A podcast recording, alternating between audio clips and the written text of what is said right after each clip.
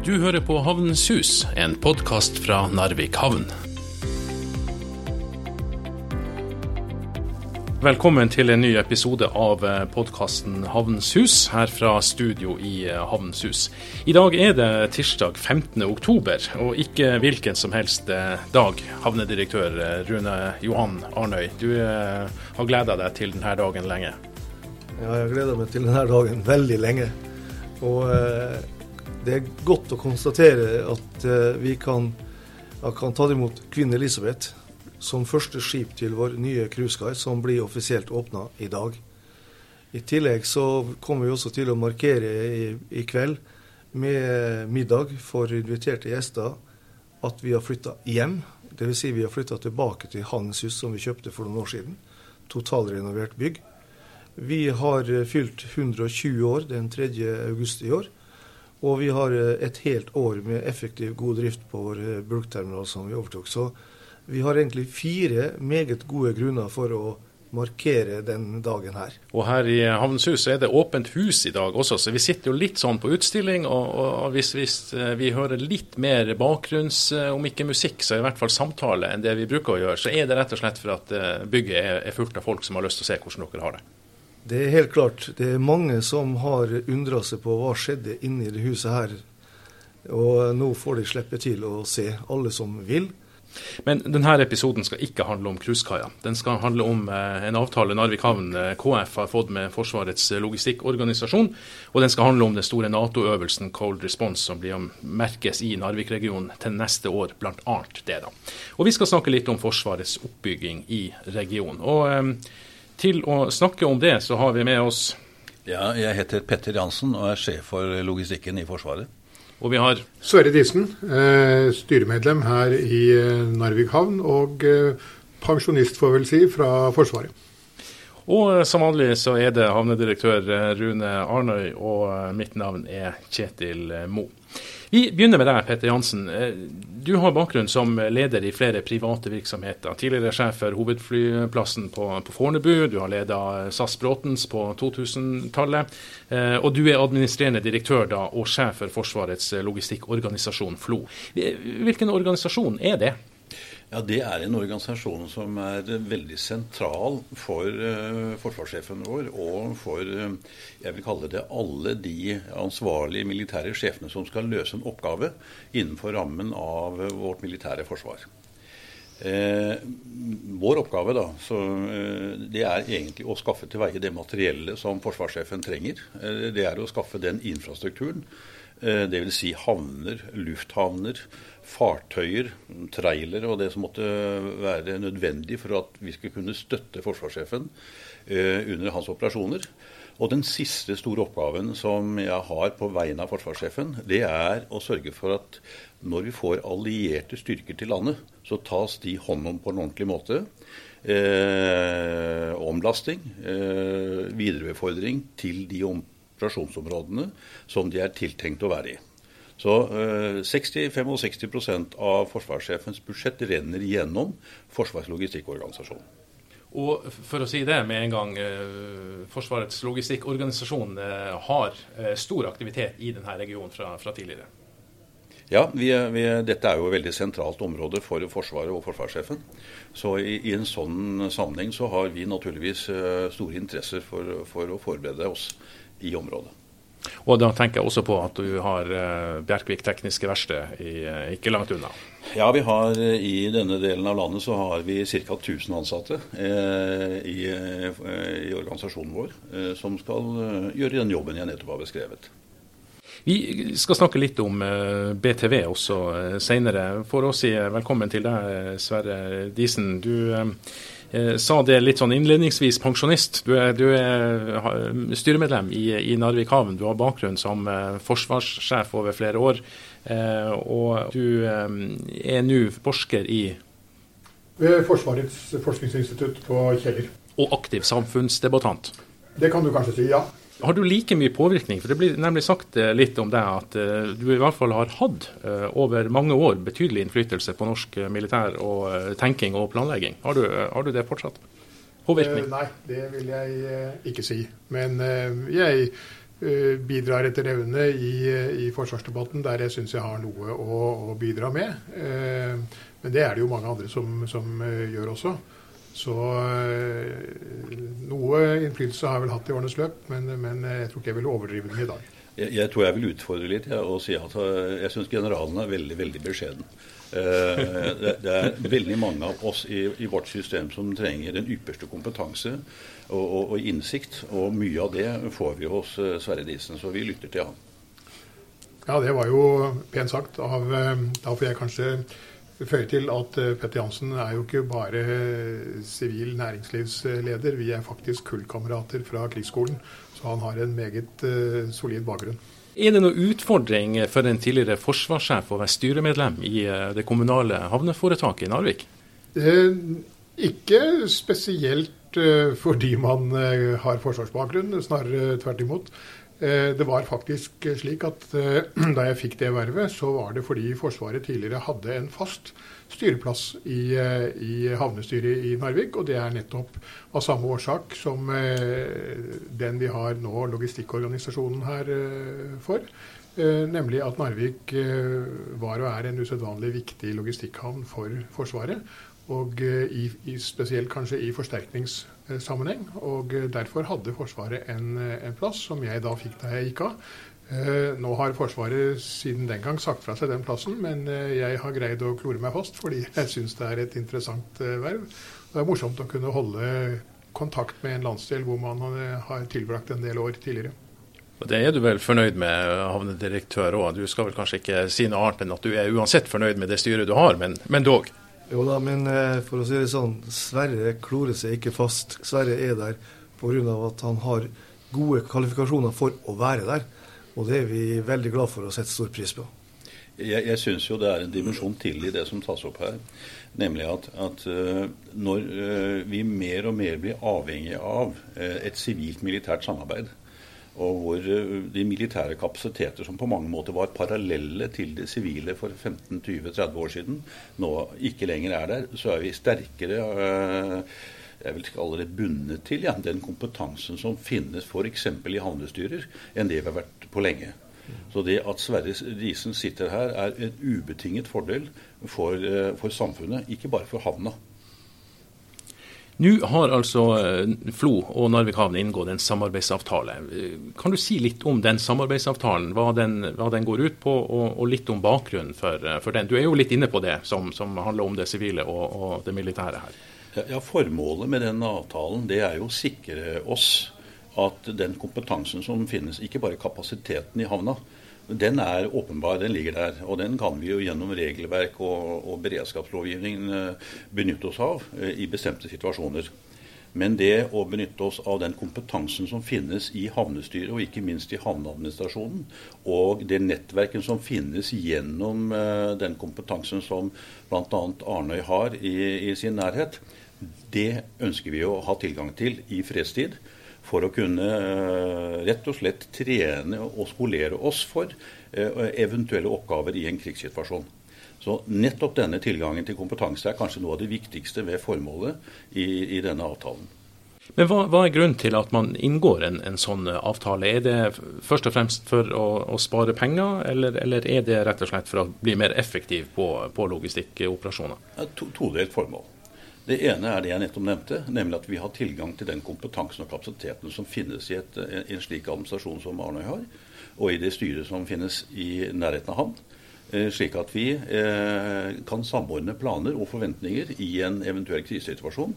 Og derigjennom eh, være bedre rustet til å løse oppgaven med å omlaste f.eks. større mengder med gods og allierte styrker enn om vi ikke hadde hatt det samarbeidet. Det andre formålet er åpenbart at som jeg sa i sted, når, når, reaksjonstidene våre må opp, altså vi får varslingstider fra et eventuelt militært angrep til, til det ut, utføres, er blitt veldig mye, mye kortere enn den var f.eks. For, for ti år siden. Da estimerte man at det kunne ta måneder. Vi fikk måneder på å forberede oss. Nå er situasjonen annerledes. Den militære, jeg vil kalle det varslingstiden, den ses på som ja, kanskje en brøkdel av det vi hadde. Og da er vi nødt til å trene sammen Ikke bare forberede oss og diskutere disse tingene, men trene fysisk sammen for å få det til å fungere i en skarp situasjon. Og det må skje ganske, jeg vil kalle det instant, eh, med umiddelbar virkning. Fordi eh, det kan være en av de leveransene vi først og fremst må sørge for at forsvarssjefen får. Men er det her skal vi si, en litt sånn overordna eh, avtale, eller er den veldig konkret på innhold?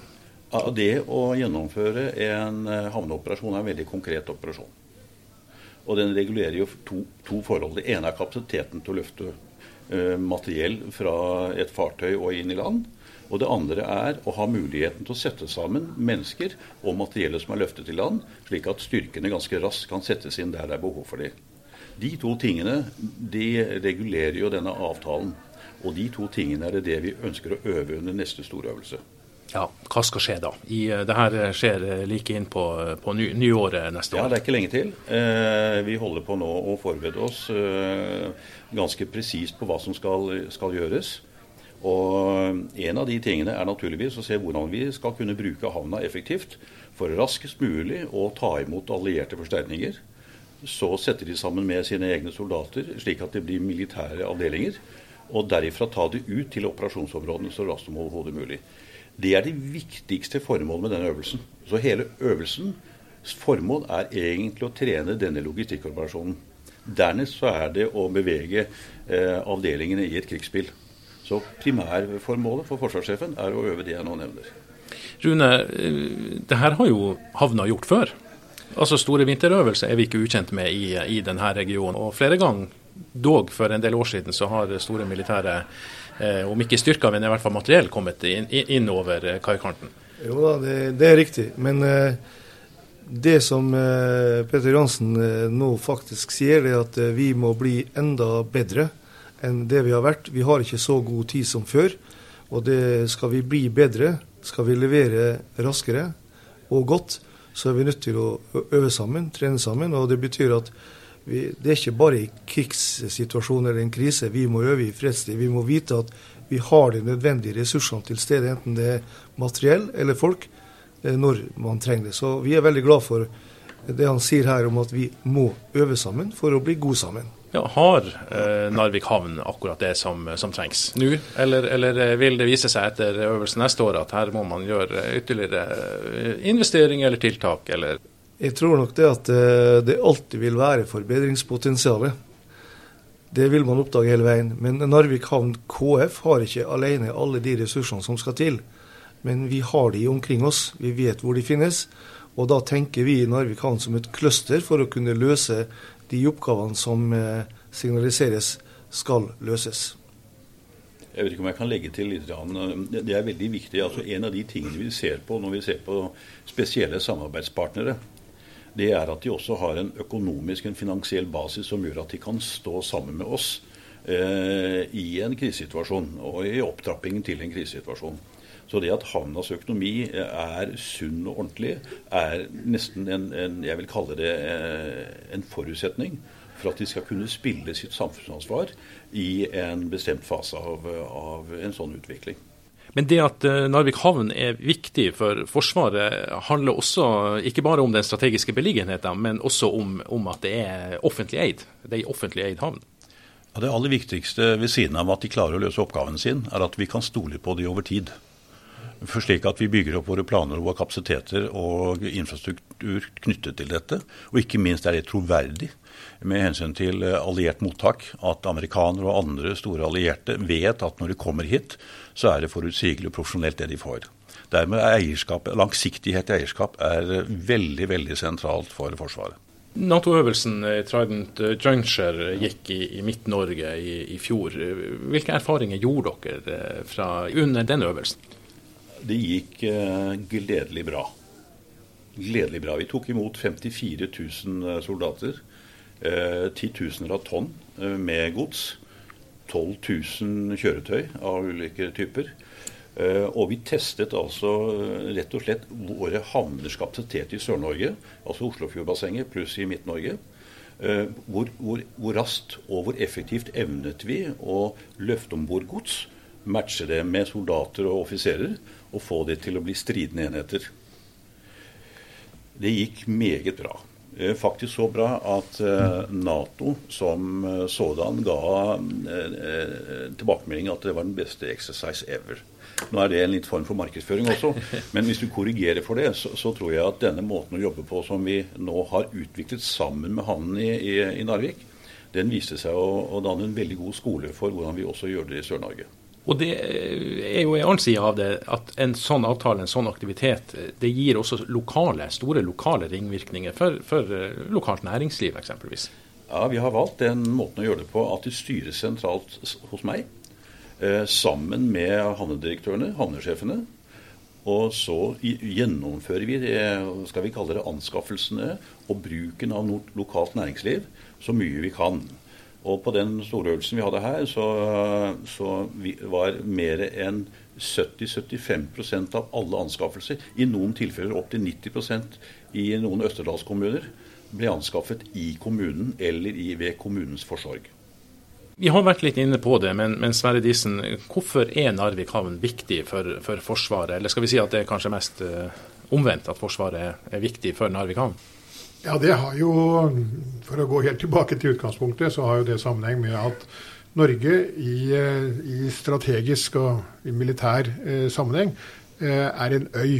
Eh, til Norge kan man bare komme militært, eh, iallfall i noe omfang, eh, hvis man har evnen, som eh, vi sier, til å projisere makt over havet. Altså de, hvis man har evnen til å komme over sjøen. Eh, og det er det jo eh, blant våre allierte. Eh, så er det jo egentlig bare USA og i noen grad Storbritannia som fortsatt har den evnen. Slik at eh, Nato-forsterkninger til Norge i en gitt situasjon, de må i hovedsak komme fra disse to landene, og de må komme over havet. Og da sier det seg selv at de må komme til en havn med en betydelig infrastruktur, betydelig eh, kailengde og, og, områder til å ta imot disse avdelingene. Eh, og selvfølgelig, som vi vet, Narvik har jo da i tillegg som havn noen store fordeler ved at eh, havnebassenget er dypt og havnen er isfri. Det har jo tidligere gjort Narvik til et strategisk viktig punkt som dro oss inn i annen verdenskrig. Eh, I dag er altså Narvik også strategisk viktig av tilsvarende, eller noe andre, men likevel viktige militære årsaker. Ja, Nå skjer det jo en stor oppbygging i denne regionen. Jeg tenker på både Ramsund med, med flystasjon på, på, Evenes, og det, det, skjer ting opp i, i Indre Troms også. Hele den, den, regionen her er på en måte litt sånn tilbake i forhold til det strategiske. Er, er det rett uh, observert? For det, det, handler ikke bare om sjø og det som kommer inn den veien? Nei da, uh, og dette har jo dypest sett å gjøre med de endringene vi ser i verden rundt oss, og kanskje særlig Eh, de noe mer spente sikkerhetspolitiske forholdene som har inntrådt eh, fra 2014 og fremover. Eh, med Russlands annektering av Krim og intervensjonen i Øst-Ukraina, så har jo hele forholdet mellom Vesten og Russland utviklet seg på en måte som gjør at Nato tar i grunnen hele den gamle oppgaven med kollektivt forsvar i Europa mer høytidelig, og, og det merker også vi her i Norge. Hva tenker du om den oppbygginga som skjer i denne regionen? Ja, det er egentlig et, et, ganske skal vi si, fornuftig og rasjonelt uh, svar, og en, en, konsekvens av den utviklingen som skjer uh, internasjonalt. Uh, og det å ta imot allierte forsterkninger, som vi da er helt avhengig av Norge, er jo en en skal vi si, permanent allianseavhengig nasjon. Det ligger naturlig i asymmetrien mellom oss og vår store nabo i øst. Eh, og det å da ta imot disse allierte forsterkningene, det kan man eh, ikke improvisere, som både Petter Jansen og Rune Arne har vært eh, inne på. Det må forberedes. Det må forberedes med tanke på infrastruktur. Det må forberedes med tanke på operative planer, og det må ikke minst forberedes med trening og øvelser. Og da må jo infrastrukturen og planene og alt det andre være på plass. Nå la uh, forsvarssjefen nylig uh, frem sin uh, fagmilitære råd fremfor for, for, forsvarsministeren. Er det noe i de fagmilitære rådene som er kommet nå, som, som, på en måte bare forsterker det vi har snakka om nå, at det sivile og, og, det militære blir stadig viktigere sammen? Ja. Altså, for å fortsette der general Diesen løttet fram altså litt logikken, så var jo forsvarssjefen i sin presentasjon veldig uh, klar på én ting. Han var redd for å ligge bak den russiske fronten, altså på å fornærme russerne i den sammenheng. At de stengte av fra Grønland over England ned til Egersund, for å si det på den måten. Og bli liggende her i et vakuum. Og da var han veldig klar på én ting, at da var det to forhold som vi måtte se særskilt på. Det ene var vår evne til å unngå dette. Og det andre var vår evne til å håndtere det hvis det skulle inntreffe på en eller annen måte. Og da blir jo logistikken veldig sentral, og alliert mottak blir dobbelt viktig. Må, må komme raskt på plass, slik at vi eh, er potente fra dag én for sikkerhetspolitiske formål. Hva betyr det for, for havnen her? Det betyr jo i praksis at hele Ofoten Eh, eh, jeg vil kalle det gjeninntrer, i en enda mer sentral posisjon som logistikk- og infrastrukturleverandør til forsvaret av Nord-Norge. Det andre det er at vi må være forberedt på kanskje å stå litt lenger eh, alene. Eh, slik at vi kan eh, skaffe tid til at allierte kommer, hvis det skulle være problemer på vei over. Og Det betyr igjen at dybden på, på, våre lagre, eh, våre kapasiteter, må være da eh, større enn det vi per dags dato har for å håndtere en større mengde eventuelle allierte når de kommer. Og Det betyr i neste omgang at vi er nødt til å ha sterke samarbeidsavtaler med de mest fremtredende sivile leverandørene av logistikk i landet, og ikke minst i Nord-Norge. Det er jo derfor vi også sammen med, med Universitetet i Tromsø og i Narvik eh, har besluttet å etablere et det heter et executive program for, for logistikk. Eh, det betyr i praksis at vi skal utdanne ledere på høyskolen her, eller universitetet her i, i, i Narvik på, eh, fra de største logistikkpartnerne våre, som er de største logistikkbedriftene i Norden. Eh, og våre egne fremtidige oberst og generaler som skal kunne lede eh, operasjoner hvor logistikken blir veldig sentral. Eh, det har vi besluttet å gå for, og vi er nå i en, en etableringsfase. Så Alle disse tingene signaliserer jo en betydningen av området. Er det også en ny måte å tenke på, når man inngår et sånt uh, samarbeid med et universitet? Ja, det er en ny måte, i hvert fall på logistikksiden. Jeg tror nok de, vi har hatt det på, på NTH, eller på, på sivilingeniørsiden og eh, på teknisk side har vi hatt et slikt samarbeid over mange mange år med, mellom Forsvaret på den ene side og de, de, de utpreget beste leverandører av ingeniører på den annen side. Når det gjelder logistikksiden, så har det vært meget beskjeden. Så dette er den første, jeg vil kalle det topplederutdannelsen på logistikk eh, som vi har gjort sammen med næringslivet, og det gjør vi her. Hva du tenker om det, Sverre Disen? Nei, Det er en, eh, en åpenbar uh, fordel, som, uh, som, Petter Jansen der er inne på.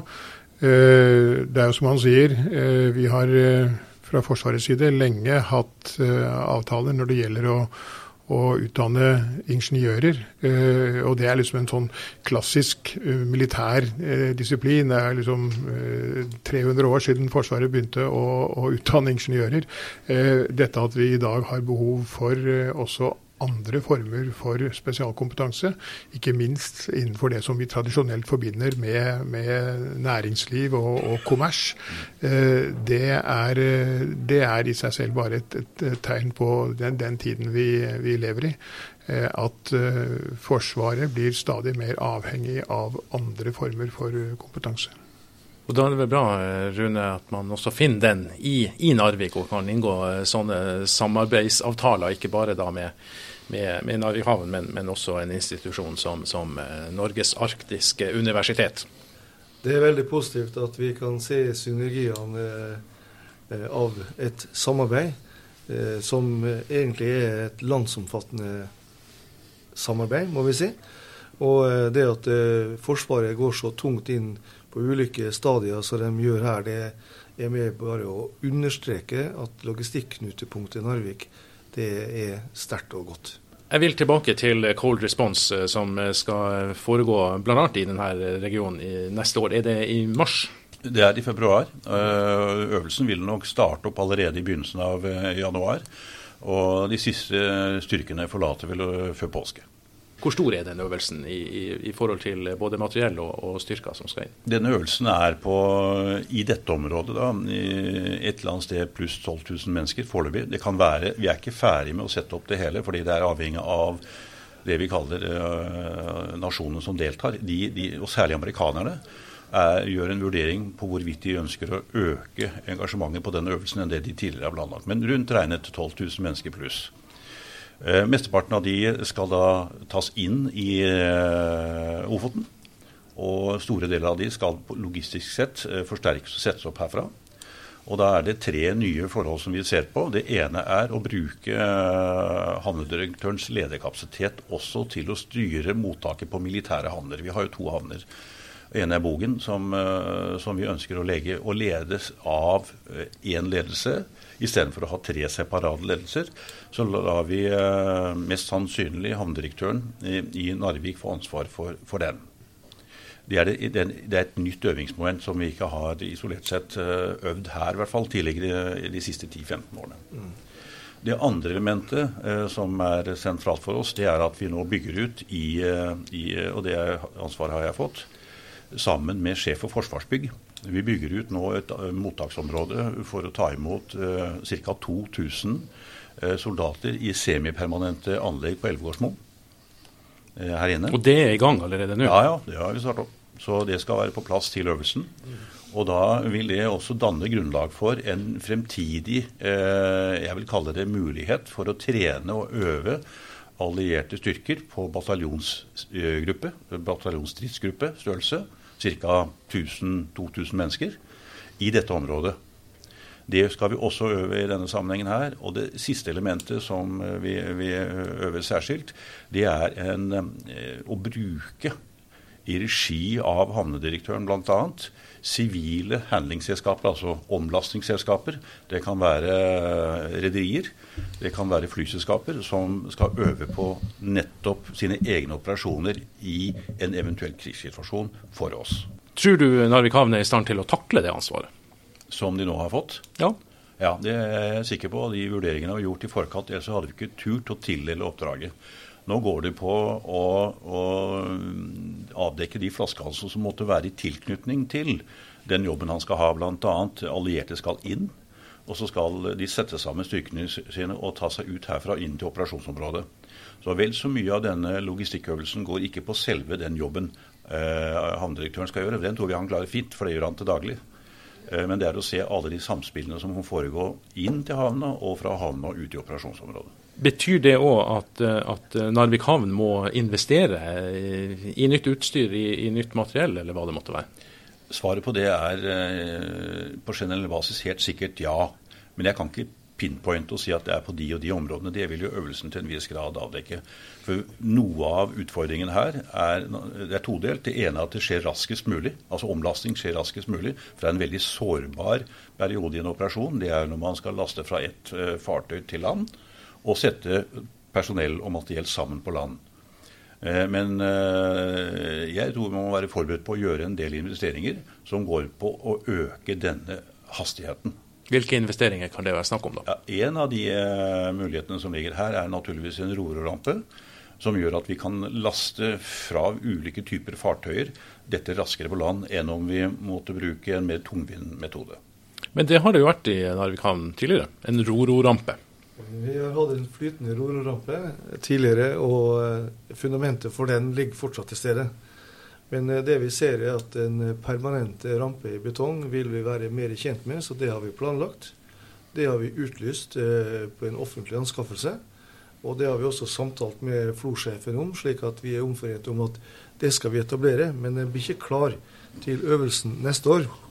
Det er vi også enige om. Men eh, Deretter skal den være klar. Den vil bli bygd eh, slik vi planlegger det til neste år. Nå vet jeg ikke om du Sverre Disen kan si noe fra skal vi si, havnestyret, men, men, men, men du ser òg at, at, man må kanskje gjøre en del investeringer fremover for å, for å i, i, ivareta de mulighetene som, som, kommer? Ja, det må man helt opplagt. Og eh, nå er jo Narvik havn eh, etter hvert i den heldige situasjonen at vi har fått en eh, ny eh, operatør som eh, skiper ut malm over eh, Narvik, Kaunas Iron fra Nord-Sverige. Og det har jo satt Narvik havn i en helt annen økonomisk situasjon, og satt oss i stand til å, å planlegge med denne type investeringer. Eh, så her er det altså nå slik at det overskuddet som eh, nå viser tegn til å, å bli betydelig større enn det har vært de senere år, Eh, det vil vi kunne ha meget god bruk for til å gjøre disse investeringene som både Forsvaret og andre eh, kunder trenger. Ja, så Hvis man skal ivareta sin del av en samarbeidsavtale, og man ser at her blir det faktisk store muligheter for havna i årene som kommer, så krever det et minimum av både investeringer og, og kapital til å, til å, å nær sagt, ha en beredskap. på. Ja, absolutt. Og infrastrukturinvesteringer er jo eh, både tidkrevende og og økonomisk krevende. slik at her må man altså ha en viss eh, forutsigbarhet eh, når det gjelder skal vi si, inntekter og, og økonomisk handlingsrom, som gjør at man kan altså starte med langsiktige eh, planleggingsprosjekter. Og etter hvert da faktisk gjøre de investeringene som skal til. Det kan man på sett og vis ikke gjøre bare med utgangspunkt i årets overskudd og noen skal vi si, budsjettmessige forutsetninger om neste år. Nå blir det en stor øvelse igjen mm. til neste år. Det, det, er noen år siden sist. Vil det komme hyppigere i, i årene som kommer? Jeg tror i hvert fall ikke det vil bli mer sjeldent. og Her skal vi huske at det er to årsaker til eh, at eh, Eh, våre allierte eh, kommer til Norge. Det ene er selvfølgelig det faktum at vi er en forsterkningsavhengig nasjon, eh, helt grunnleggende. Og sånn sett kommer til å ha behov for disse øvelsene av årsaker som vi har vært inne på. Det andre er jo at Norge som øvingsområde, helt uavhengig av sikkerhetspolitikken, er veldig etterspurt og uh, veldig interessant for våre allierte. Nettopp fordi det er geografisk og klimatisk veldig krevende. Kan man operere her, så kan man stort sett operere de fleste steder. Det har jeg fra uh, nære og gode allierte kontakter gjennom uh, flere år i Nato bl.a. Eh, det har britene sagt om sine erfaringer på Falkland. Hadde de ikke altså hatt trening i Norge og holdt tilbake på da, så, så hadde det stilt seg helt annerledes. Eh, det samme har eh, amerikanere sagt om, om deres operasjoner andre steder i verden.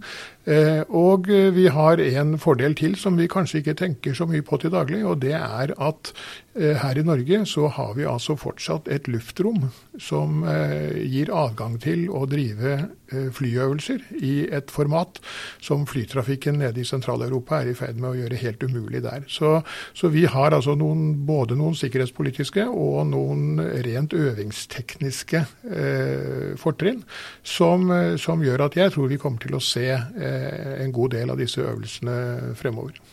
Er det også da en fordel at man, man bygger opp eh, flystasjonen på Evenes i, i, forhold til det å være i stand til å ta inn Eh, materiell eh, sjøveien ved en, en, situasjon?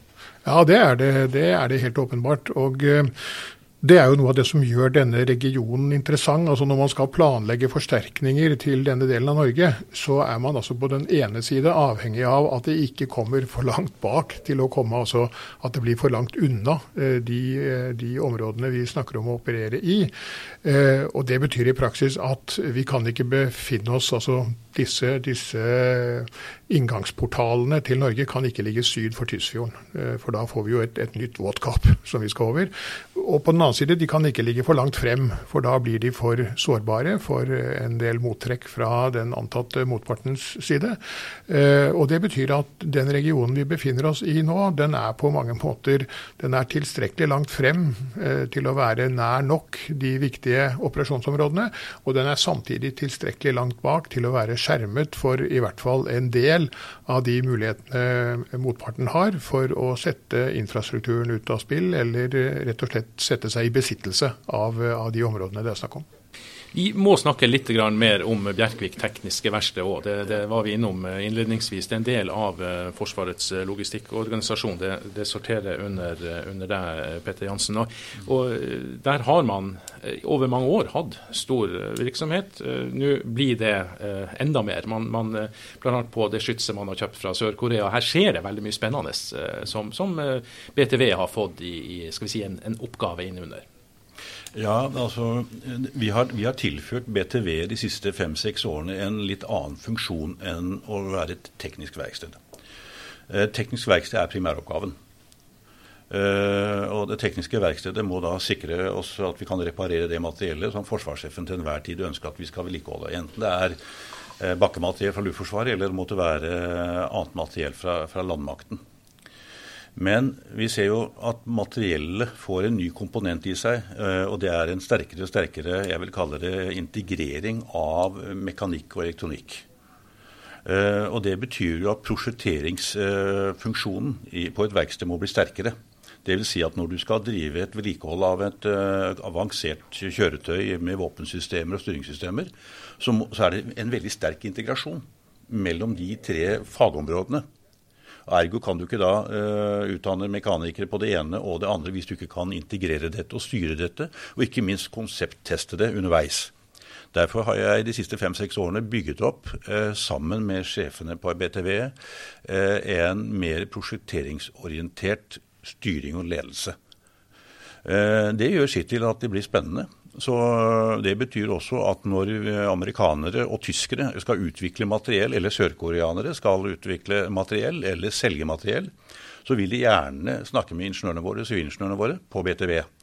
Og de tekniske spesialistene som vi har satt opp og bygd opp i denne prosjekteringsenheten.